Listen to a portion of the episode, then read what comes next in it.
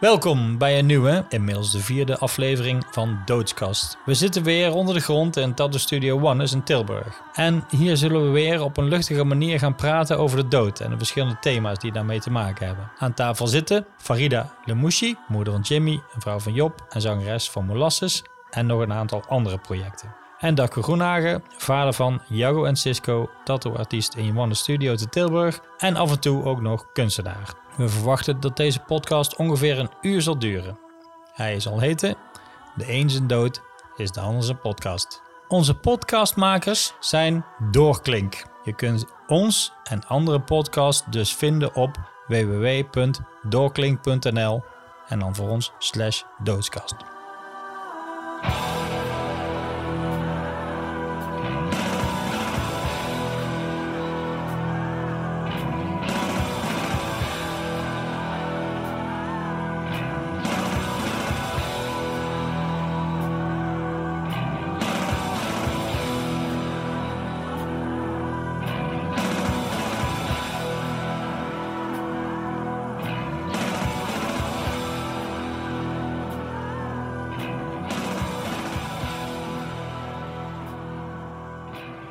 Ja, laten we beginnen. Yes. De zandloper wordt omgedraaid, zodat we een beetje in de gaten kunnen houden wanneer de uur voorbij is. Het is een echte hourglass. En ik heb natuurlijk de zilveren knaak uit 1962 in mijn hand en die gaan we flippen. Jij mag zeggen weer, kop of munt? Kop. Kijk aan. Hey. Je ziet het hè? Kop. Elke keer als ik geen echte vraag heb, dan eh, is het kop. Oké. Daar had ik dan enigszins wel een beetje voorbereid, want eh, ik had wel een gedicht. Oh, En ehm, ik denk, daar begin ik gewoon nou maar mee. En daar komt vast wel iets eh, uit waar we het over kunnen hebben. oké. Ik heb er gelijk wel wat vragen bij, dus misschien jij eigenlijk ook wel. Er is een gedicht van eh, Jehuda H. Levi. En die leefde tussen 1075 en 1141. Het is net alsof je het over je horloge hebt, hè? Ehm, Toledo is hij geboren en in Jeruzalem is hij uiteindelijk gestorven. En het was een filosoof en een poëet en nog veel meer. Het is niet zo dat ik zo belezen ben trouwens, maar die had ik dus in een serie eh, gezien. Op Netflix, jawel. Een hele mooie scène en er werd een heel mooi gedicht voorgedragen. En dat had mij diep geraakt. Dus die ga ik even voorlezen. Komt er maar uit. Ik kom er nou uit. Tis a fearful thing. Tis a fearful thing to love what death can touch. A fearful thing to love, to hope, to dream, to be. To be and oh, to lose. A thing for fools, tis. And a holy thing, a holy thing to love. For your life has lived in me, your love once lifted me, your word was gift to me. To remember this brings painful joy. Tis a human thing, love, a holy thing, to love what death has touched. Ja, is heel mooi. Ja, ik lees het als zeg maar dat het kruim kost om iets van iets heel kwetsbaars te houden. Omdat het zo snel verdwijnt of weg kan gaan. Maar ik kan het ook interpreteren, tenminste dat hoor ik er denk ik een beetje doorheen. Dat je, je kunt ook van iets houden dat al verdwenen is. Of, of dat zeg maar die, die, die lijn overheen gegaan is. En dan wordt het misschien wel nog pijnlijker of, of juist niet. Ja, als je het als een, als een soort afscheidsreden of eh, Ja. eh, ziet. Wat mij de hele tijd daar zo in raakt, is niet per se iets wat al geweest is, maar het feit dat to love what death has touched is het leven. En dat is eindig en dat weet je. Dus als je van iets gaat houden, weet je ook dat het ophoudt. Ja. En dat is dus, ja, bitterzoet, of hoe, ik weet niet zo goed hoe je dat dan moet noemen of zo. Painful joy, zegt hij Hm. in dat gedicht. Ja, dat raakt mij. Ik word er niet per se heel verdrietig van of zo, maar ik vind het wel iets wat me bezighoudt. Van hoeveel je binnenlaat of ehm, toelaat om van te houden. Want dat, dat heeft eh, heel veel consequenties. Ja, zeker. Maar ja, goed, ja, ik kom dan snel op, het, eh, op de vraag: hoe kun je niet van iets houden? Of hoe kun je je inhouden met van iets te houden? Het is echt heel moeilijk. En over of te denken over alleen al het idee de conclusies te trekken van ja, maar als ik hiervan ga houden, dan doet me dat pijn op een bepaald moment. Dat zie ik bijna als onmogelijk. Ehm, ja, dan ben jij misschien een heel liefdevol persoon. maar ik, ik, ik acht dat niet per se. Ja, ik weet niet of het uiteindelijk ook echt kan. Maar ik denk wel dat eh, er heel veel mensen zijn die dat op zijn minst proberen. Ik kan in ieder geval voor mezelf wel eh, zeggen dat ik een periode heb gehad in mijn leven. En dat ik toen het gevoel had van ik ga niet eh, allemaal mensen toelaten. En ik ga niet allemaal uh, van mensen houden, want dat doet alleen maar pijn. En niet alleen maar omdat ze doodgaan, maar ook omdat ze slecht zijn of uh, verkeerde dingen uh, van je willen of met je willen. Of ja, er zijn zoveel vervelende dingen die je kunnen overkomen, zeg maar. Ja. En hoe meer mensen je toelaten, hoe groter die kans dat dat zo is dacht ik toen. Hè? Ik, ik zeg niet dat dat zo is, maar... Uh... Ja, nee, dat kan ik goed voorstellen. Ik, met name ja, ik, voor, om te voorkomen dat het een heel, uh, een, een, heel therapeutisch gesprek wordt.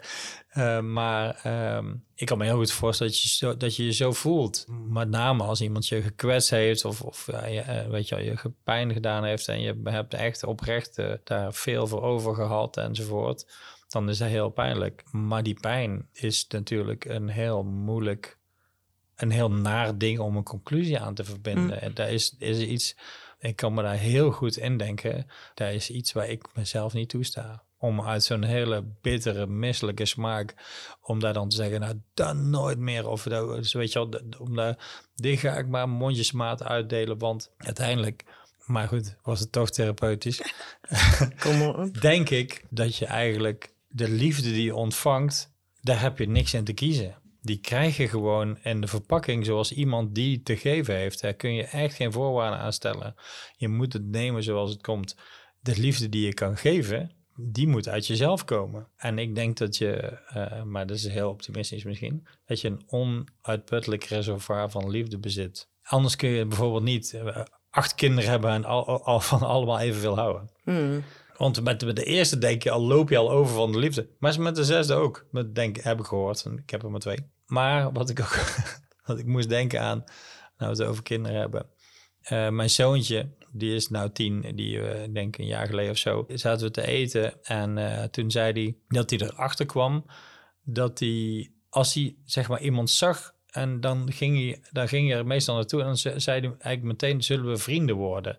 Er, hij was erachter gekomen dat dat niet werkte hij kon het beter, zeg maar, eerst gewoon een beetje mee omgaan. En dan kon hij altijd nog besluiten of ze Je hoeft er niet meteen te beslissen. Ja, want, ja, want dat was dus eigenlijk elke keer, nou, eigenlijk precies zoals je zegt, dat was elke keer een teleurstelling. Dus van, hey, zullen we vrienden worden? En zeg maar, ja. En dan werd er natuurlijk meteen, gebeurde er iets waardoor dat niet de, van die verwachting voldeed. En, en dan was het af of zo. En hij had zoiets van, ja, dat ga ik niet meer doen. Ik ga gewoon eerst even gewoon doen. En dan kijken we wel, misschien worden we dan wel vrienden. Vond ik een fantastische conclusie. Zeker, maar dan beschermt je zich toch eigenlijk. Ja. Uiteindelijk komt dat dan toch ergens ook een beetje op neer van wat, wat ik straks zei. Zeker. Nou, het is ook wel bijzonder om het boeddhisme natuurlijk bij te halen. Dat vind ik altijd interessant. Dat je zeg maar alles van alles tegelijkertijd houdt. En dat is ook heel raar, want dat voelt niet als persoonlijk voor, voor, dat voelt voor niemand als persoonlijk, als we van alles tegelijkertijd, van alles tegelijkertijd houden. Ergens in een uh, stukje wat ik wel eens uh, reciteer staat: Happy in any company. Ja, ten eerste is dat niet doen. niet doen. Nee. Happy in any company. Maakt niet uit, hè? Iedereen. Iedereen altijd, je bent altijd happy. Ergens kun je dan zeggen, nou goed, ik blijf bij mezelf altijd. Maar dat maakt zeg maar dat iedereen een soort gelijke smaak heeft. Hè? Ook als je een eikel bent of je bent heel tof, extra tof, dan is het nog steeds gelijk. Snap ik bedoel? Dus het is een heel moeilijke vorm van oneness, zeg maar, of zo. Als je overal één smaak van maakt, zeg maar. Mm. Dus dan heb je niet één speciaal iemand. Dan is iedereen speciaal. Of, of niemand, niet. ja. ja. er is een mooie film, Dead Man. Heb je ooit gezien, de film? Van Jim Jarmusch met Johnny Depp. Ik weet nooit titels, hè? Oké, okay, nou goed. Dat is een super, super gaaf film. Speelt zich in de cowboy-tijd af. En onder andere Iggy Pop uh, speelt erin mee, volgens mij. Zelfs Gibby Haynes speelt er ergens mee, geloof ik, maar dat weet ik niet zeker. In ieder geval, gaat het over een cowboy die in een stadje komt. Die raakt in een, een conflict eh, betrokken. En uiteindelijk komt hij in het bos en dan komt hij een indiaan tegen. Eh, de rol van Johnny Depp, die speelt William Blake. En die indiaan dat is super... Nou, ik weet niet, of ik, zal niet de hele film eh, vertellen. Maar die indiaan, die herkent die naam. Want daar is natuurlijk een, nou wat zegt, filosoof, poëet... Heeft allerlei eh super mooie tekeningen gemaakt over bijbelse voorstellingen. Heel, maar heel niet zo traditioneel, allemaal heel spiritueel eigenlijk meer. En volgens mij is de uitspraak van hij die het leven kust in zijn vlucht, leeft in eeuwige zonsopgang. Dus Mhm. in het voorbijgaan, zeg maar, gaat of alles gaat voorbij. Dus aan jou voorbij, maar ook aan de tijd enzovoort. En als je daar op dat moment de waardering voor aan, hoe zeg je dat? De waardering voor kan voelen, ja, dan ben je eigenlijk altijd bewust van dat het voorbij gaat. En dan zou je kunnen zeggen dat je bijna nooit teleurgesteld wordt. Dan hecht je er niet aan. Daar komt het dan eigenlijk op neer. Wat eh, in de buurt komt van wat ik wou vragen aan jou. Ja. Hoe belangrijk is het om vaak aan de dood te denken? En of je dat doet en hoe je dat doet. Voor mij is het eigenlijk heel belangrijk. Ik denk heel vaak aan de dood. Misschien wel elke dag. Want voor mij in ieder geval herinnert eigenlijk alles mij de hele, de hele tijd aan dat alles eindig is en dat alles ophoudt. En dat alles oud wordt of, en verrot en, eh, en, en eh, kapot gaat en zo. En dat is gewoon onderdeel van het leven, van het dagelijkse leven eigenlijk. Mhm. En trouwens ook omdat eh, ik nu steeds ouder word en andere mensen ook. En de mensen allemaal ziek worden en doodgaan en zo. Dus het, het, het komt gewoon steeds dichterbij. Ja, ja. Maar ik heb, dat heb ik eigenlijk altijd al wel gehad. Dus ik ben al heel mijn leven... Oh ja, ja? ja dat, dat dood zo om de hoek ligt en dat er ook de hele tijd mensen doodgaan... dat is eh, gewoon een feit. Ik vind het niet zo erg, want ik, ehm, voor mij is het ook wel belangrijk, denk ik... omdat ik gewoon daar ook een soort troost uit haal eigenlijk of zo. Mhm. Kijk, nou wat interessant. En ja, Ja. Maar hoe denk je er dan aan? hoe? Heb je daar een speciale, daar een speciale manier voor? Of weet je wel, sta je daar bewust bij stil? Of komt het je gewoon heel het voor? Of ga je ervoor zitten? Of, of denk je, oh ja, goed, die gaat ook kapot. Nee, maar Nee, valt ook kapot. Ja, zeg ben- maar, er er is een soort, eh, daar is een ontwikkeling in. Want eh, in eerste instantie eh, word je daarmee geconfronteerd als kind en eh, dan als jongvolwassene. En, en, en er gebeuren allemaal dingen in je leven waardoor je daar iedere keer weer opnieuw mee geconfronteerd wordt. Nou weet ik helemaal niet of ik er dan vaker mee geconfronteerd word of zo. Of, of ik, hoe zeg je, sommige mensen krijgen natuurlijk heel veel mee te maken, anderen weer wat minder. Ik weet niet, ik heb niet de indruk dat het nou een soort dramatische toestand allemaal is geweest of zo. Maar ehm, denk sinds mijn broer ervoor gekozen heeft om zelf het leven te verlaten, ja, is daar wel veranderd. Is dat wel iets geworden waar ik ook mee bezig wilde zijn, of Mhm. moest ook zijn. Ja. Van wat, wat. En eerder dus eigenlijk al, omdat hij daar al veel eerder mee bezig was, was ik daar ook veel eerder mee bezig. En dan ga je heel erg nadenken, wat betekent het leven eigenlijk? En hoe, hoe, eh, wat betekent dat voor mij? En eh, eh, dan ga je gewoon dingen lezen en dingen kijken en muziek luisteren en teksten analyseren Ja. en, en, en met mensen praten. En naar, eh, ja, hoe vraag jij? Dat vind ik zo moeilijk te zeggen, maar gewoon door actief dat als iets, eh, Op te zoeken eigenlijk. ja, het Ja. op te zoeken. Ja. dat- ja. Ja. ik vind het ook interessant en ik wil ook weten hoe dat voor andere mensen is. En ja, ik zoek het op, inderdaad. Ik, weet, ik, ik, ik- kan niet echt heel concreet zeggen, ik ga niet eh, naar eh, mensen... Random begrafenis. Nee, nee, nee, dat heb ik In niet plaats hoor. van naar de kroeg gaat. Nee, oké. Nee, dat niet. En ik ga ook niet mezelf opdringen als er iemand eh, ziek is en die ken ik of, of zoiets. Mhm. dat, dat soort dingen allemaal niet. Maar ik ga er niet voor weg. En als het zich aandient, dan wil ik daarmee bezig zijn. Jij gaat niet uit de weg. Wat heel veel mensen natuurlijk wel doen. Maar nou, ik had toch een mooi een dingetje, vond ik. Gewoon eh, Instagram tekstje, maar ik vond het toch mooi. Deze gast zegt...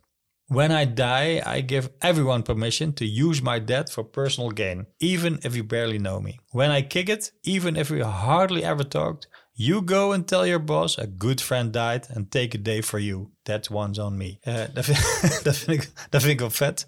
En dat kan natuurlijk altijd eigenlijk. Een vriend van mij die, die zegt, ja, ja, hij zegt, ja, ik ga gewoon echt eigenlijk bijna altijd naar een begrafenis. Als ik weet dat er een begrafenis is van iemand die al is van zijn vader en heb ik die nooit gezien. Ga ik toch naar die, naar die begrafenis luisteren. Ik heb nog nooit meegemaakt dat iemand stom vond dat ik er was. Iedereen is altijd super blij en super dankbaar dat ik de tijd heb genomen om daar naartoe te gaan. Ja. Dus uh, ja, ik vroeg me af zo van, oké, weet je wel, ze zeggen, eh, ja, kun je...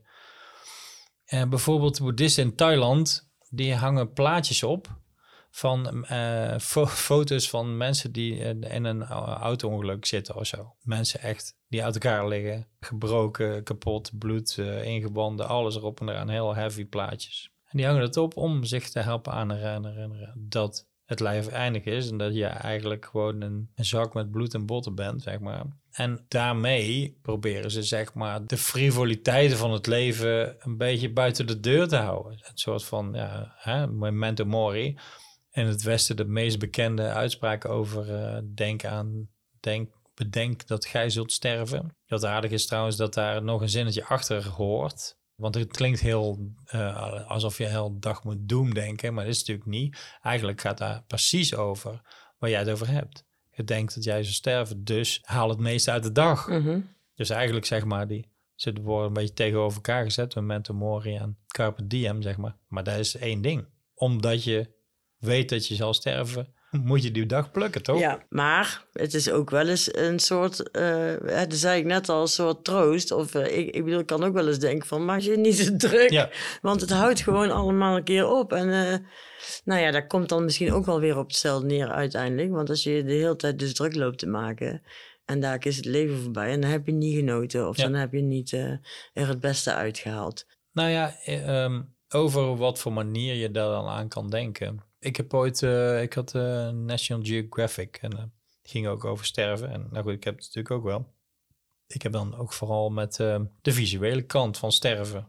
Schedels en, mhm. en weet je, om dat te tekenen. En dat vind ik allemaal heel interessant. Dat heeft ook iets romantisch of zo. Dat heeft een romantische kant. Terwijl het ook een hele afzichtelijke kant heeft of zo. Het is heel apart hoe dat zeg maar ook samengaat of zo. En er stond een foto in van een dame in een ziekenhuisbed. En daar was echt, echt, echt heel erg uitgemergeld. Heftig uitgemergeld. Zo dat je denkt, die gaat het niet lang meer halen. En die hield de hand vast van een priester, denk ik, of in ieder geval een bekende die zeg maar bekend was met het boeddhisme. Daarom stond die foto in dat artikel die foto greep me enorm aan. Niet zozeer omdat het zielig was, maar gewoon omdat ik me verplaats in dat er een moment komt dat je in zo'n bed ligt en dat je dan hoopt dat er iemand eh, je even je hand komt vasthouden. In je, op je aller, aller zwakste moment, zeg maar, of zo. Maar die foto heb ik vaak gebruikt als ik, uh, nou ja, weet ik veel, inderdaad mij te druk maakte. Of als ik uh, mijn beoefening wou verdiepen of, over, of als over loslaten als ik daarover na wil denken of zo, dan ja, je hoeft eigenlijk alleen maar te verplaatsen in die persoon, want het moment gaat gewoon komen. Je kunt natuurlijk ook op andere manieren sterven. En ook mensen die uh, hopen dat ze stiekem uh, in hun slapen er van tussen gaan.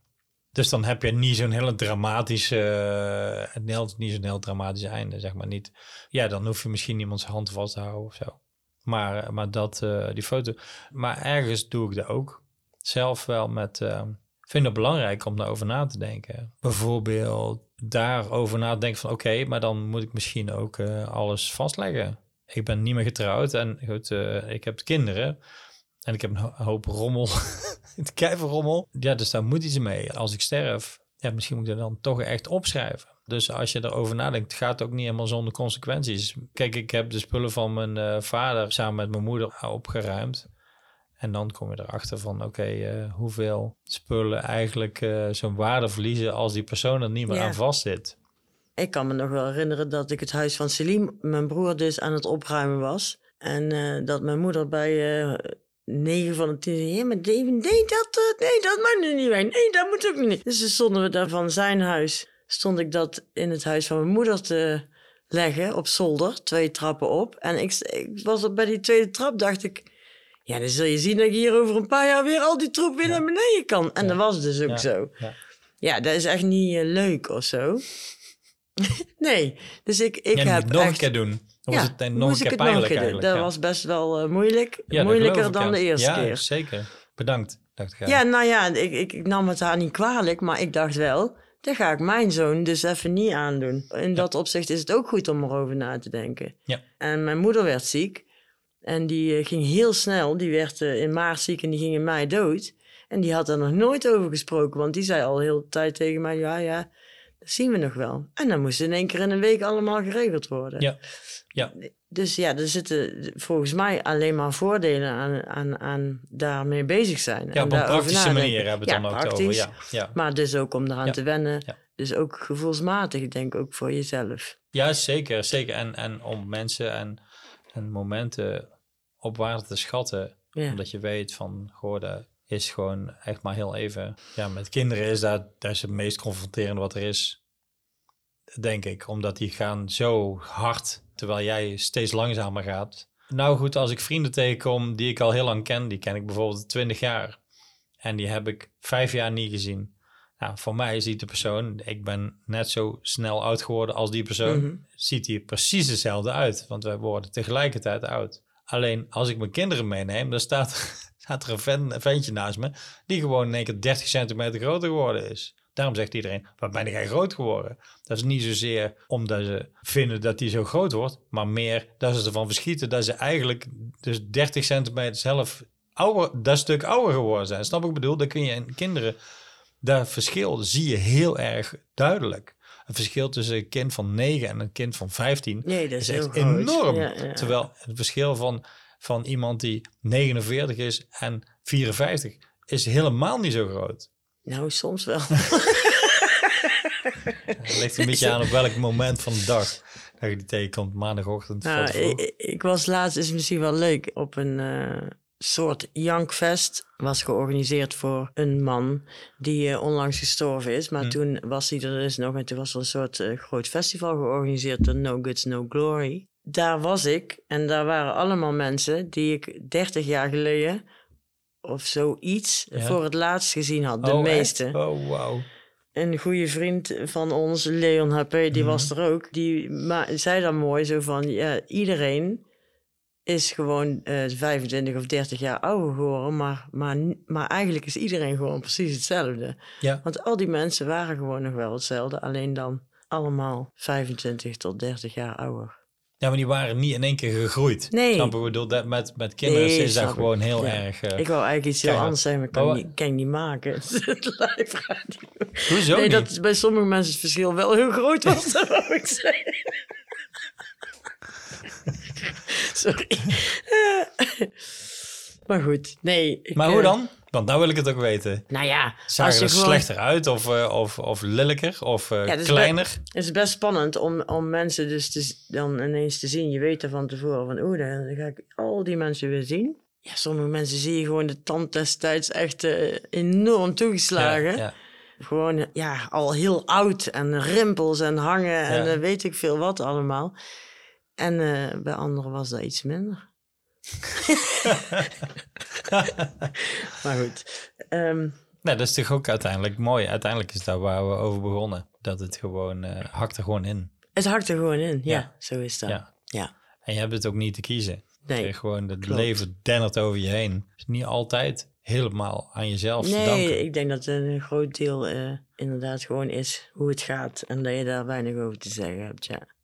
Nou, wel bijzonder dat je zo'n... eh, sowieso voor zo'n persoon, zeg maar... Want die is inmiddels overleden, hè? Hij heeft niet Ja. zoveel tijd tussen gezeten. In twee weken of zo? Of Mm, misschien drie? Wel bijzonder. Want dan dat is ook echt dan, zeg maar... Dan vier je het leven op het laatste moment of Ja. zo. In de aanwezigheid van eh magere hein... Dat je dan toch intenser je, je feest beleeft of zo. Ja, op een of andere manier is dat iedereen dan eh, die is bevangen door dat bewustzijn. ja, daar hebben we het ook al wel eens eerder over gehad. Maar dan ben je zo alleen maar... Al die andere dingen doen er dan niet toe. Die zijn dan niet belangrijk. Dat is heel Ja. intens. Ja, maar we hebben het erover gehad, met name over begrafenissen, zeg maar. En de sfeer die er daar hangt, en tenminste, dat, eh, dat herinner ik me. En in dit geval is het dan van tevoren, Ja. zeg maar, of zo. Dus dan zijn alle aanwezigen en het festival, zeg maar, wat er dan is heel erg eh, gericht op van, oké, deze mensen is er daar binnen een zeer afzienbare tijd niet meer. Dat weet dus iedereen die daar Ja. is. Dan kun je van Lowlands niet altijd zeggen dat Nee. iedereen zich daar op dat moment bewust van is. En dan maakt het beladener en ook weer mooier of precair of zo. Dat het zeg maar en kwetsbaar is en daarom zo bijzonder. Ik heb wel eens nagedacht over, er is heel duur porselein natuurlijk. En, en heel, bijvoorbeeld heel oud glas of zo. Er is, Romeinen en Egyptenaren hadden al glas, glazen flesjes en zo. Die konden dat maken. Op zich is dat misschien helemaal niet zo bijzonder dat die dat konden maken en dat, daar, dat die het voor hebben nog zijn. Het is vooral bijzonder dat ze niet kapot zijn. Snap je? Ik bedoel, het is heel, heel fragiel. En hoe fragiel, hoe, daar gaat het als het een, een brons ding, dan gaat het niet zo snel stuk als een glazen dingetje. Dus hoe, ja, naarmate de, de tijd verstrijkt, zijn er maar een paar mensen die daar heel voorzichtig hebben behandeld, zodat er nog een paar over zijn. Dat maakt het zeldzaam. Dus dan zou zeg maar iets van steen minder zeldzaam zijn als iets van glas, alleen om, om het feit dat het snel kapot gaat. Ja, dan moet, ik, dan moet ik nog eens over nadenken of er nog eens een nachtje over slapen. Want waar houdt dat eigenlijk in? Omdat het zo fragiel is, zeg maar. hè. Nee, Dus dat, dat, dat, dat, dat snap ik. Maar eh, als je dat even naar mensen vertaalt. Mhm.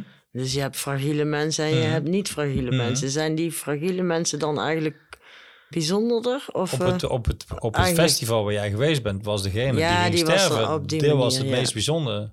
Want ter eer van die persoon werd het feest georganiseerd. En die is ook nou niet meer. Nee. Die is het eerste stuk gevallen, zeg maar. Het had gewoon ook iemand anders kunnen zijn. Onze lieve vriend eh, Leon P. heeft een paar keer kantje boord eh, gelegen. En zo fragiel ziet hij er niet uit. Maar, maar, eh, maar goed, ik bedoel te zeggen, ja, had niks gescheeld. Of hij had ook zo'n festival gehad. Maar nou, waren de dingen gekeerd en was hij natuurlijk weer de... Ik was er niet bij, maar ik ken hem een beetje. Die, ja, die is altijd lekker aanwezig. Maar goed, die, die weten ook. Die weten ook hoe kwetsbaar dat is Ja. en, en hoe bijzonder en, eh, en eh, hoeveel je dan... Ja, ik weet niet. De, de, ja, nee, het, ze hebben het toch altijd over de kwetsbaren van de, van de samenleving en zo. Dat is toch een eh, dingetje. In hoeverre je daar extra aandacht aan moet besteden. Of die met, een, met een kringetje eromheen moet gaan staan. Zodat de wilde beesten er niet aan kunnen. Dat moeten dan eigenlijk de sterke mensen moeten dan om de kwetsbaren heen gaan staan, toch? Dat gebeurt over het algemeen ook wel, denk ik, toch? Ja, we kunnen een hele discussie Ja, nee, nou, hey, ja, er ja, ja, ik zat ook al te denken. Ik ga het niet zeggen, maar... eh, Nee, maar, maar Ja. ehm, in ieder geval in een persoonlijke situatie is dat wel eh, het idee, denk ik. mhm.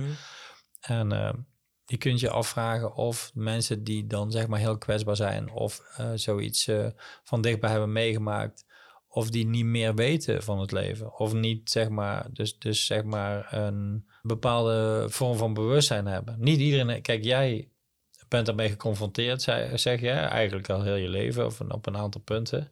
Met sterfte en, en ehm, de vergankelijkheid, zeg maar, of zo. En dat heeft je gepakt en dat is een interessant eh, vraagstuk. Dat vind ik, dat vind ik ook, want anders hadden we daar geen podcast over. Maar niet iedereen, daar, daar gaat, ontgaat heel veel mensen. Ja, ja, ja. En, en ehm, ja, ik ken mensen die gewoon, weet je wel, die op het moment dat eh, een vader daarvan eh, slecht komt te liggen, nou, die, die brak echt op midden. Die was het, de grootste schok die er maar kon gebeuren. Dat was totaal on... eh, die had dat niet verwacht. Ja, onverwacht. Ja, maar dat hangt altijd in de lucht. Het is niet onverwacht, want... Nee. nee precies. Wat overigens niet wegneemt dat het eh, dan, enorm verdrietig is als het gebeurt.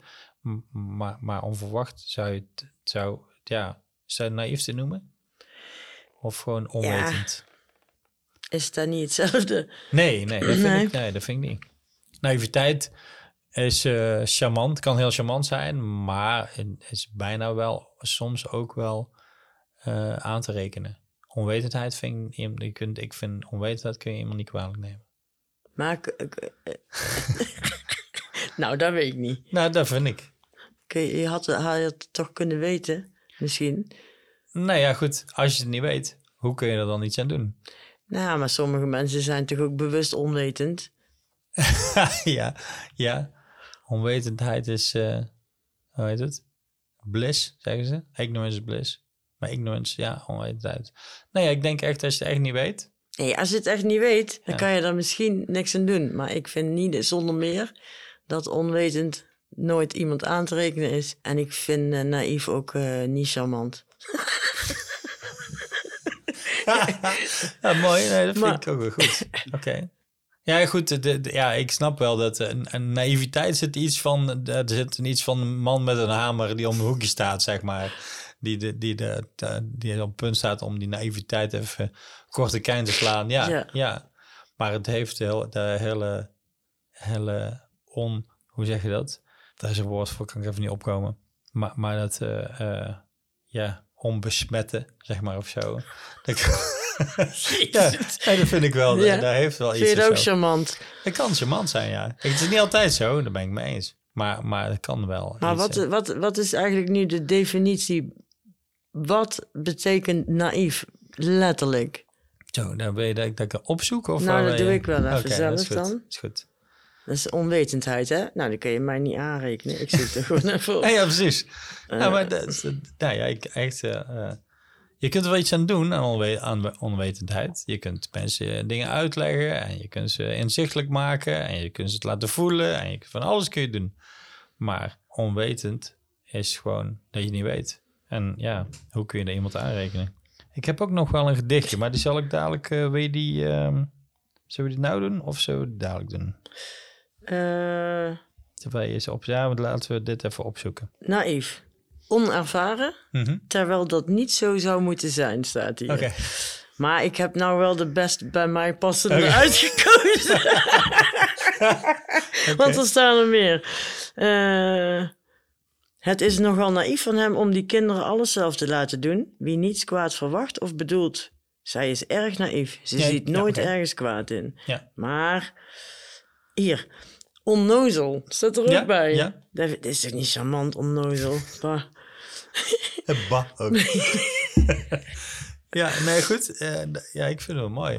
Ja. Ja, ik vind het past heel erg bij het thema wel. Naïviteit, zeg maar, omtrent dat alles vergankelijk is. En, en dat je, weet je wel, eh, hoe kwetsbaar en breekbaar, zeg maar, alles is om je heen. Al leven, al liefde, alle, alle spullen die je bezit, alle hoop die je hebt. Alle, dat is allemaal zo ontzettend breekbaar. Maar ergens ja, is het toch wel fijn om een bepaalde naïviteit, eh, met een bepaalde naïviteit eh, dat tegemoet te treden. Omdat je, ja, weet ik veel, als je, als je verlamd raakt door alles wat je kan, als voor elke worst case scenario, zeg maar, dat is, dat is niet fijn om te leven. Nee. Dus dan, dan ja, weet je, naïef en dapper of zo. Ik, wil- ik, ga, door het leven. ik ga daar nog eens even een soort essay over schrijven. Want ik, ik, ja, ik ben ook best wel vaak uitgescholden voor naïef. En daar Echt? kan ik echt niet tegen gewoon. Ja, wauw. door één iemand maar trouwens hoor in mijn leven. Maar goed, Ja, het is wel duur voor betaald, denk ik. als ik dan iets doms... Ja, die is nou dood.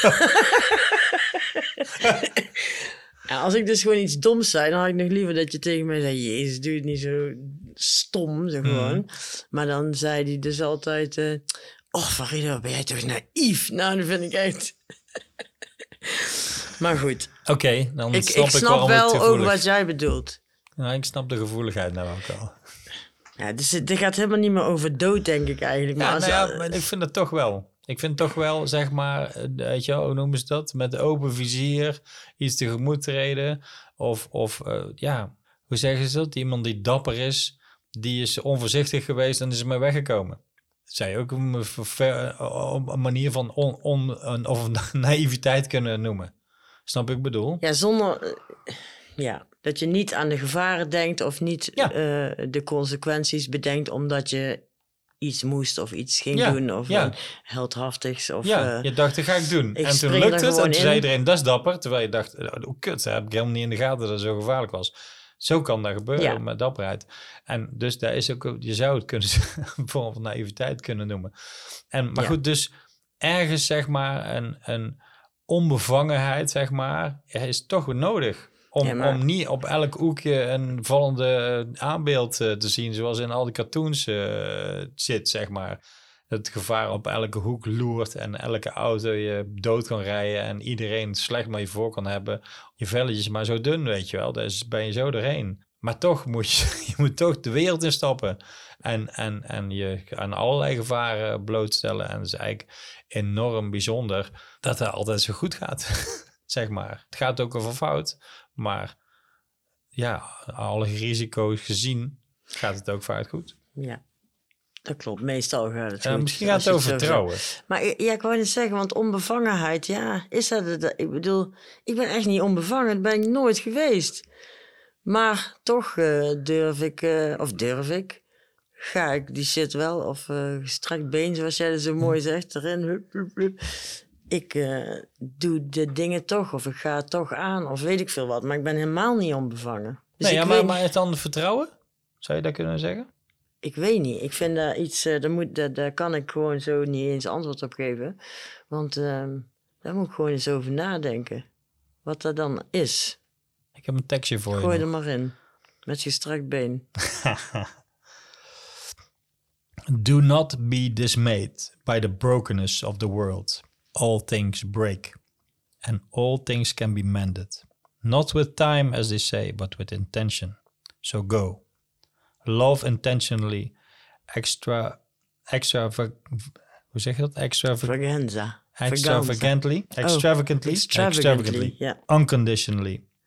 The broken world waits in, the, in darkness for the light that is you. Of niet dan? Ik heb er nog eentje, die ga ik nou doen. Want dat sluit heel erg aan bij jouw eerste Ja. tekstje.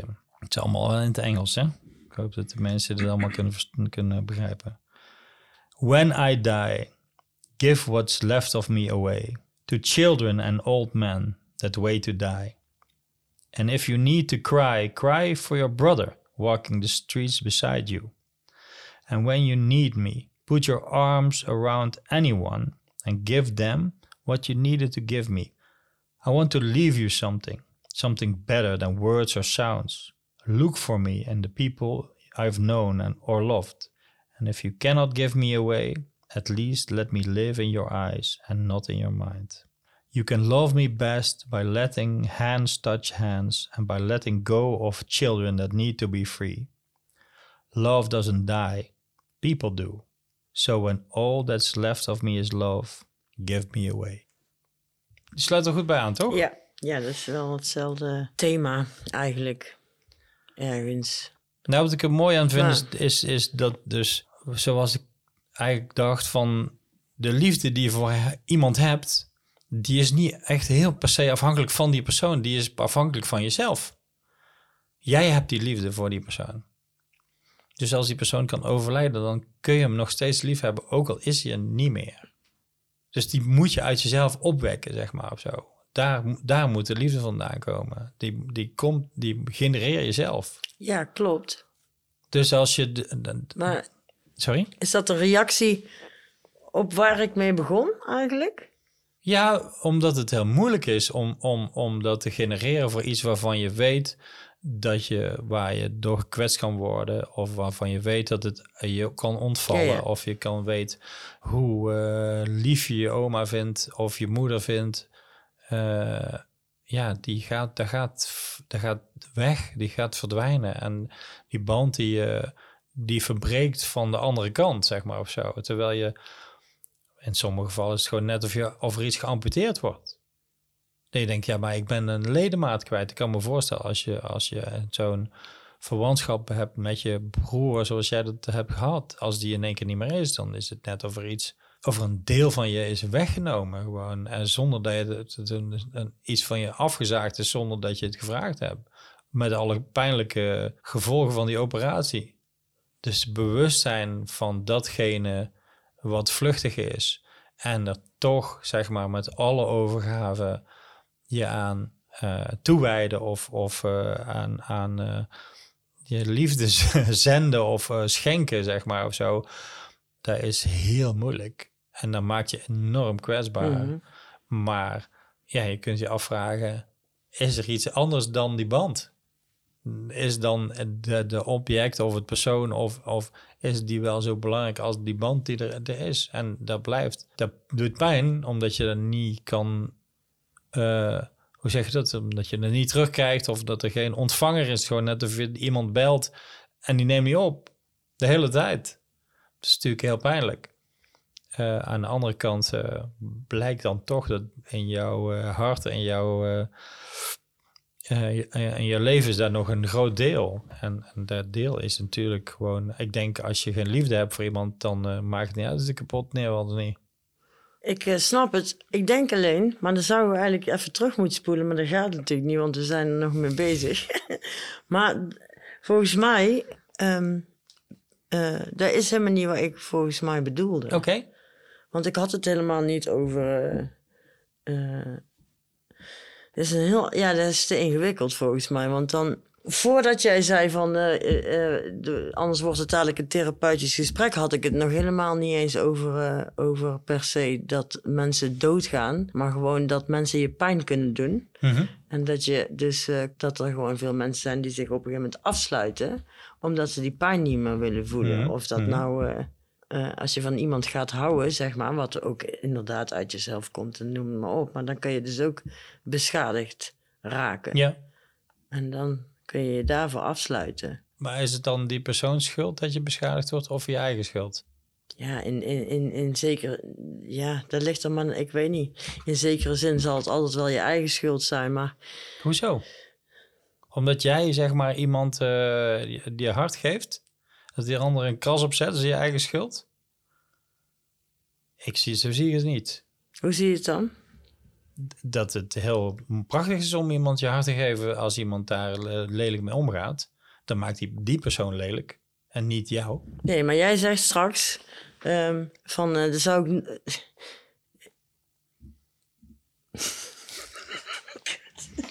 ja, ik, ik zit dus vast, hoor. Echt? Ja, Joh. ja, ja. Ehm, jij zegt tegen mij, Mhm. Dat kan ik nooit. Of dat zou ik nooit eh, kunnen in mijn leven. Of ik zou nooit me af willen sluiten voor andere mensen. Nee, nee, dat denk ik wel. Dat, eh, dat- nee. Ik zou het moeilijk vinden om, zeg maar, als iemand je pijn gedaan heeft, om daar harde conclusies over de rest van de wereld voor te trekken. Ja, ja. Snap je? Dat hij een slechte raadgever is. Ik snap dat dat gebeurt. En dat je dat als zelfbescherming doet, natuurlijk. En dat soort van reactie. Als je je brandt, trek je je hand terug. Tuurlijk. Dan denk je niet, oh, nou ja, het is niet mijn schuld dat het vuur mij brandt. Tuurlijk, zo werkt dat. Is een reflex of een reactie, zeg maar, of zo. Maar dat wil je niet zeggen dat je nooit meer in elkaar zou moeten steken over een open haard. Ik bedoel te zeggen, het vuur blijft een belangrijk onderdeel. Dat je eraan kan branden, ja, oké. Daar kom je dan achter. Maar dat wil niet zeggen dat je nooit meer iets met vuur te maken wil hebben. Het is gewoon die conclusie, je leert ervan toch? Als het goed is, ja. Ja.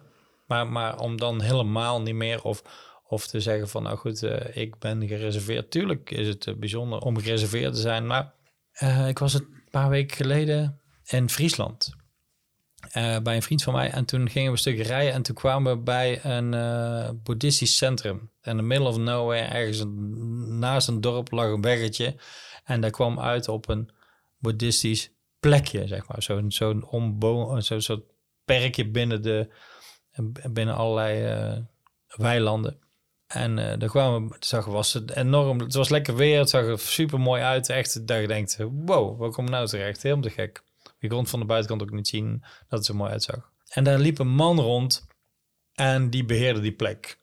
En ik keek die man zo eens aan. Die had natuurlijk geweldig, zag er natuurlijk geweldig uit met een hele lange mooie witte baard en, en eh, een rode vest en een rode broek. Was natuurlijk echt helemaal een prototypisch eh, yogi-achtige figuur. En die li- liep daar een beetje zo, ehm Sherab heette die, is natuurlijk een Tibetaanse naam. En die liep daar een beetje filosofische grappen te maken en echt, echt helemaal te gek. eh. En toen dacht ik, wauw. Deze man eh, is hier gewoon eh, altijd. En ik vroeg hoe oud hij was. Ze zei dat hij 69 was. En dacht ik, shit. Zo wil ik mijn pensioen ook doorbrengen. Maar het punt is, die man is daar. En daar, komt, daar mag iedereen naar binnen lopen. Iedereen kan het. Weet gewoon niet. Komen vijf dagen niemand, komen zes dagen komen twintig man. Geen idee. Mensen die nog nooit geweest zijn. Dus, en eigenlijk moet die, die, man moet ze allemaal op dezelfde manier ontvangen. Sterker nog, die tempel is daar voor iedereen. Niet voor de mensen die eerst moet je bewijzen dat je lief bent. Of eerst moet je bewijzen dat je niet hier is komt schoepen of iets, weet ik veel. Dit is gewoon echt voor iedereen. Ja, dat, is een, dat, vind, ik, vind ik een heel prachtig principe. Mm. En als er vijf dagen nie, niemand komt, dan is die gast ook blij. Als het goed is. Snap ik bedoel? Of als het regent of whatever. Ja, dan het zou fijn zijn als die dan nog steeds even steady en even welkom is, zeg maar, of zo. En als iemand iets lelijks tegen hem gezegd heeft, uh, weet ik veel, dat hij een uh, lelijke Sint, als een lelijke Sinterklaas uitziet of weet ik wat. Ja, dan moet hem, als het goed is, ook niet heel veel doen, omdat hij, hij is op die plek en hij is daar, hoort daarbij. En ik weet niet, vooral het feit dat iedereen daar terecht komt en jij die on, dan kan ontvangen, zeg maar, of zo allemaal met dezelfde positiviteit en dezelfde integerheid, zeg maar, om die zelf vast te houden. Nee, ik dacht, ja, daar zou ik, daar zou ik mijn pensioen wel willen, zou ik mijn pensioen wel willen besteden. Zo. Snap je? Gewoon, maakt niet uit. Wie er komt, komt er iemand, komt er niemand. Komen tien mensen, komt er een lekker wijf, komt er een lelijke gozer. All, all, het is allemaal hetzelfde. Dat lijkt me heel, uh, ik vond het heel bewonderenswaardig, zeg maar, of zo. Ik zou het niet kunnen. Oké. Oké. Nee. Nou, dat is ook goed. Jij wou toch op een begraafplaats wonen? Ja, dat leek me wel vet, ja. Die zag ik in Amsterdam. Achter uh, allemaal uh, grote hagen en zo. Een, een begraafplaats waar niemand meer begraven wordt, maar wel heel veel mensen liggen begraven al heel lang. En uh, er staat gewoon een huis op die begraafplaats. Ja. En die begraafplaats moet onderhouden worden. Daar zou ik wel mijn pensioen okay. doorbrengen, okay. ja. Nou, weet, uh, voor de luisteraars, als je nog een, een plekje nodig hebt, eh, iemand nodig hebt voor je plekje, je graf bij te houden, of... Ik wil toch nog even terugkomen op waar we het net over hadden. Want daar vind ik natuurlijk helemaal niet dat als jij je hart openstelt voor iemand en uh, je wordt gekwetst, dat dat dan je eigen schuld is. Maar ik heb echt een ander idee over waar wij het over hadden. Oké. Dus daar wou ik toch nog even recht zetten. Dat vind ik wel belangrijk. Nou ja, je kunt zeggen, ik kan me ook voorstellen, want toen ik zei en jij ja, dat dan tegen inging, dacht ik, je hebt wel een bepaalde verantwoordelijkheid naar je kwetsbaarheid toe of zo. Dus, dus als je weet, oké, ik ben nou kwetsbaar en, en, en je doet dat bij, bij iemand waar je gevaar bij loopt, waar je niet, uh, je niet veilig bij voelt, dan ja, als jij als je, als je de hart neerlegt en je zegt, doe het maar wat je wil en iemand gaat er bovenop staan, dan uh, heb je natuurlijk wel een verantwoordelijkheid voor het feit dat je je hart daar neergelegd hebt. Maar ja, als iemand dus echt zeg maar willens en wezens op gaat staan, dan vind ik wel dat, dat die persoon Ja, ja, dat, tuurlijk, tuurlijk. Ik, wat ik alleen maar wilde duiden is van als dat gebeurt met je, misschien mhm. een paar keer, als je mhm. heel, weet ik veel, als je jong bent en, en, en, je, en jou overkomt dat, waar je niks aan kan doen, ja.